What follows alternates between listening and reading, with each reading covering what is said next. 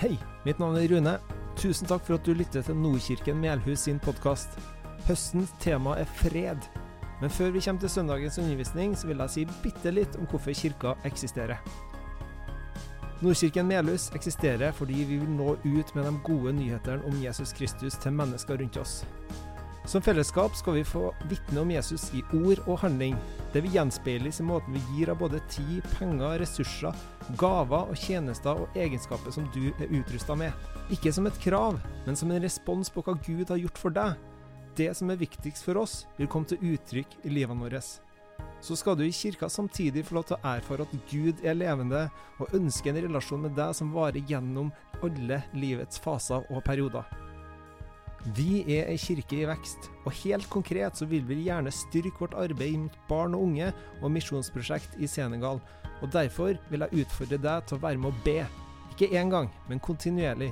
Vær med å gi gjennom fast givertjeneste, vær med å bruke de gavene du har fått, til en velsignelse for andre.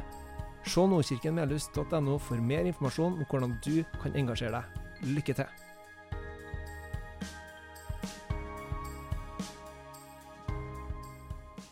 Tusen takk for det, og takk for at jeg får være gjest hos dere og forkynne Guds ord. Teksten for denne søndagen den står i Markusevangeliets femte kapittel fra vers 35. Mens han ennå talte, kom det folk fra synagogeforstanderens hus og sa:" Din datter er død, hvorfor bryr du mesteren lenger? Jesus hørte det som ble sagt, og sa til synagogeforstanderen, Frykt ikke, bare tro. Nå lot han ingen andre følge med enn Peter, Jakob og Johannes, Jakobs bror. Da de kom til synagogeforstanderens hus, så han alt, så, så alt oppstyret og folk som gråt og jamret seg, gikk han inn og sa til dem, Hvorfor støyer og gråter dere? Barnet er ikke dødt, hun sover. De bare lo av ham. Men han drev alle ut og tok med seg barnets far og mor og dem som var med dem, eller med ham, og gikk inn der barnet lå. Så tok han barnet i hånden og sa, Talita kumi. Det betyr, lille jente, jeg sier deg, stå opp. Straks reiste jenta seg og gikk omkring. Hun var tolv år gammel og de ble helt ute av seg av undring. Men han påla dem strengt at ingen skulle få vite det, og han sa at de skulle gi henne noe å spise. Kapittel 5 i Markusevangeliet gjentar tre undre. Jesus kaster ut demonene fra en besatt mann. Han helbreder, en kronisk syk kvinne og han reiser opp et barn fra de døde. Det første underet viser at Jesus har makt over de onde åndene. Det andre at han har makt over sykdom. Og det tredje at han har makt over døden.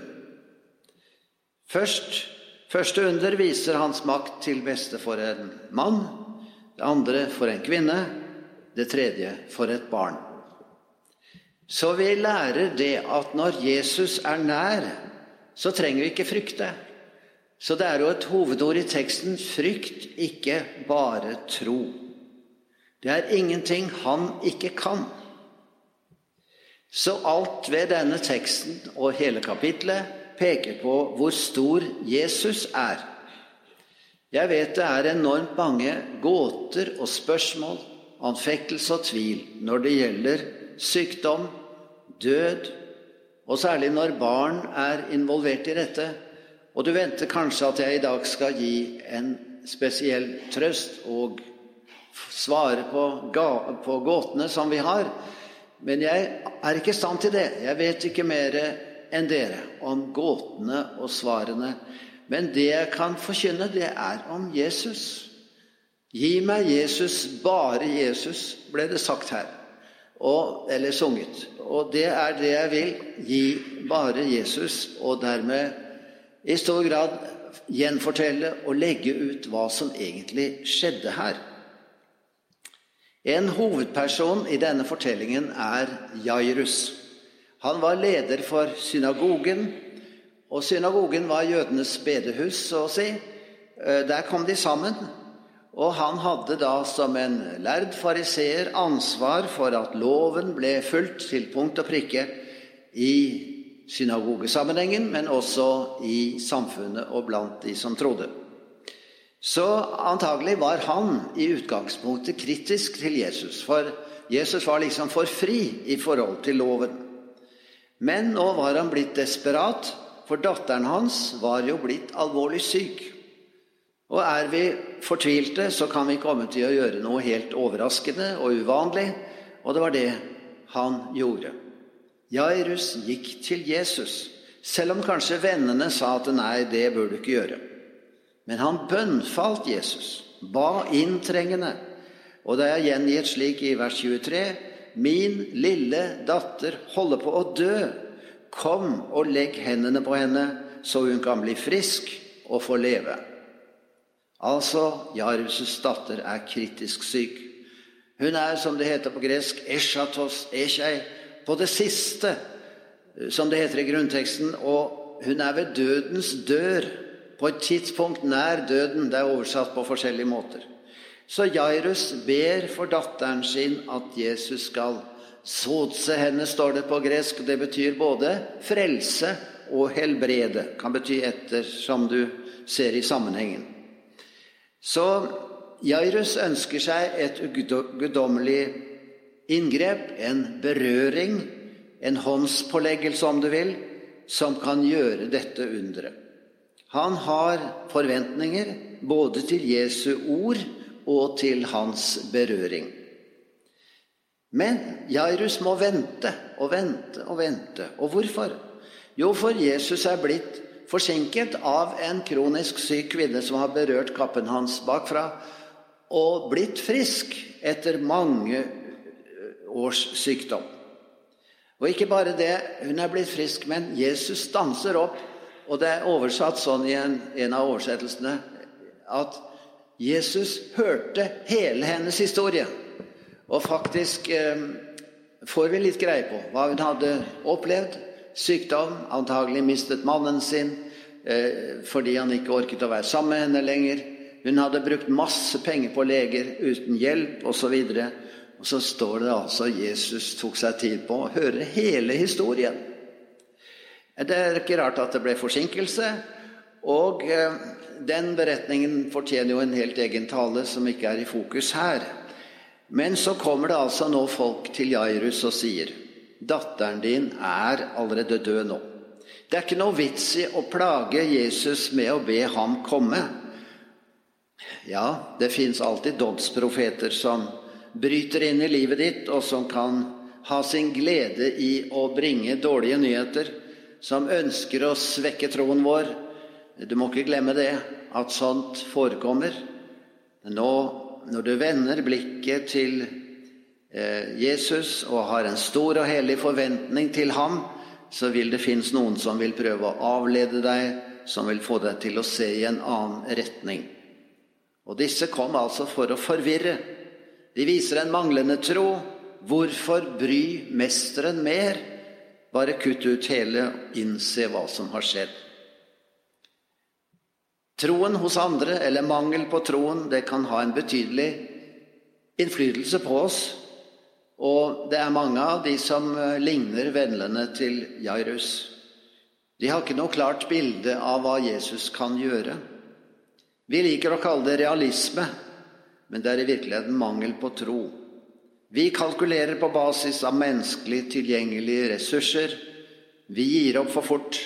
Vi åpner ikke tanker og hjerte for den enorme muligheten som ligger hos ham som har det siste ordet i alle ting. Og når vi gjør dette, så lammer vi ikke bare oss selv, vi trekker andre ned sammen med oss når vi kaster bort troen. Jesus brydde seg tilsynelatende ikke om det de som sa at datteren allerede var død. Han fortsatte til Jairus' hus, og han ville trekke Jesus han, han ville gå dit hvor han var kalt. Og Jesus kom dit, og det var et hus fullt av gråt, klage og oppstyr, skikkelig støy. Og Jesus sa, 'Hvorfor lager dere så mye bråk?' 'Piken er ikke død, hun bare sover.' Ja, han sa virkelig det. Barnet er ikke dødt. Hun sover. Vet du hva folket der gjorde? Utrolig, som det står i Bibelen. De lo ham ut. De lo ham ut. Men Jesus gjør noe helt annet. Han kaster dem ut. Og han jager dem ut. Det står ganske krast. Og hvorfor gjorde han det? Var han sint? Jeg vet ikke, men det minner om da han kom til tempelet ikke sant, og så tempelet fullt av pengevekslere og folk som ikke skulle drive business i Guds hus. Ehm, det å gjøre noe hellig, vanhellig, det ville han ikke vite av. Jeg vet ikke riktig hva som skjedde, og hva slags følelser som var her, men det var altså ingen tro hos denne bråkete gjengen. Jesus ville ikke ha dem der, men han tar med mor og far og noen utvalgte disipler og så går de inn i rommet der datteren var. Og der og da kommer det et ømt øyeblikk, må vi si. Han tar henne varsomt i hånden og sier, 'Lille pike, jeg sier deg, stå opp.' Og hun sto opp. Alle ble overveldet av forundring. Både den kvinnen som hadde ustoppelige blødninger, og som vi leste om tidligere i kapitlet, og Jairus, de var desperate i sin tro. Og så er det faktisk en sterk illustrasjon på hva tro er i Bibelen. Den kan gjøre oss ganske desperat og inntrengende, men Jesus gjør det så stille og fint. Han tar et lite barn i hånden. Og det høres jo veldig ømt og fint ut, men etter reglene, som Jairus var ekspert på, så var jo han med det blitt uren. Da blitt Jesus uren som rørte ved en død person. Jesus nølte ikke. Han bryter sånne menneskelige regler. Han lar seg ikke binde av menneskebud. Han kaller henne til å stå opp. Talita kumi er aramaisk for ja, det står faktisk 'Lille lammet mitt, stå opp'. Og Det er ikke noe magiske ord, men det er ord som faktisk foreldre pleide å bruke for mildt å vekke opp et sovende barn om morgenen når det skulle ut, og dagen var kommet. Så det er så hverdagslig på en måte, og så ømt, og likevel så sterkt. For piken reagerte altså momentant og Jesus legger vekt på det menneskelige ved det hele med å si at nå må dere gi henne noe å spise. Hun er sikkert sulten, den lille jenta. Piken er ikke død, hun har sovet. Ja, døden er egentlig en søvn. Og det er for meg et veldig trøsterikt ord. Jeg har talt også om det å dø og døden. Og jeg finner så mange spor av det at døden er i Bibelen fremstilt som en søvn. Og de fleste av oss har ikke noe problem med å sove. Vi gleder oss til å legge oss til å sove, sover godt og våkner opp forfrisket etterpå. Det er døden, slik Jesus beskriver den. Det er ikke mer dramatisk enn å sovne inn. Enten døden er veldig stille, eller den kan være veldig brutal. Også om Stefanus, som ble steinet til døde, så står det faktisk at da falt han i søvn. Ja vel, du kan forklare det med at første stein eh, gjorde at han besvimte, han ble bedøvet, og ferdig med det. Så opplevde han ikke mer, og omgivelsene syntes det var forferdelig brutalt å se på. Men for Stefanus var det som å sovne i sengen om kvelden, har jeg lyst til å tenke. Ja vel, piken er ikke død, hun sover. Og piken fikk altså glede av foreldrenes tro, som viste seg i å komme til Jesus de hadde kalt på ham, men du skal ikke glemme det bildet av Jesus som tar en vissen og kald hånd og gir den liv. Og han tar også deg i hånden, enten du lever eller dør, eller du sover eller ikke, har det vanskelig eller godt. Han vil så gjerne ta det i hånden. Det er en enestående og fin helbredende berøring fra Jesus som du kan tenke på, og som du kan gledes ved. Det er merkelig med oss mennesker. Det er noen som ikke liker det der å bli berørt. De syns det er litt nærgående. Og noen liker ikke at man i alle menighetssammenhenger skal håndhilse så veldig mye. og En forkynner opplevde det akkurat motsatt. Han sa det at eh, en mann holdt så fast i hånden min at han lurte på om han, han hadde gått år og dag siden noen hadde holdt han i hånden i det hele tatt. Han ville liksom ikke slippe. Og andre som en kan berøre, de får eh, tårer på kinnet av en vennlig hånd, og de unnskylder seg litt med tårene, for en sånn vennlig godhet har de ikke opplevd på år og dag, at noen berørte dem. Ja, å gi en hånd å holde i, å berøre en varm hånd, det er en sterk formidling av kjærlighet og omsorg så kan jo vi tenke, vi vanlige mennesker, at er jeg betydelig nok til å berøre, til å bli berørt? Hva med å skuffe noen? Hva om jeg er for påtrengende? Hva om noen bare overser meg? Ja da, vi kan lage mange slags motforestillinger, men det ligger nær for meg å be Herre, la meg bli berørt, og la meg berøre dem du ønsker skal bli berørt. La meg være som en god representant, Jesus, for deg i denne verden. Noen sier i et mørkt øyeblikk 'jeg har mistet kontrollen over livet mitt'. Men du kan ikke miste noe som du aldri har hatt. For tenker du deg etter, så har du jo egentlig ikke kontroll over alle ting. Hva jeg har mistet når tidene blir vanskelige, det er at jeg har mistet den innbilningen at jeg har kontroll over livet.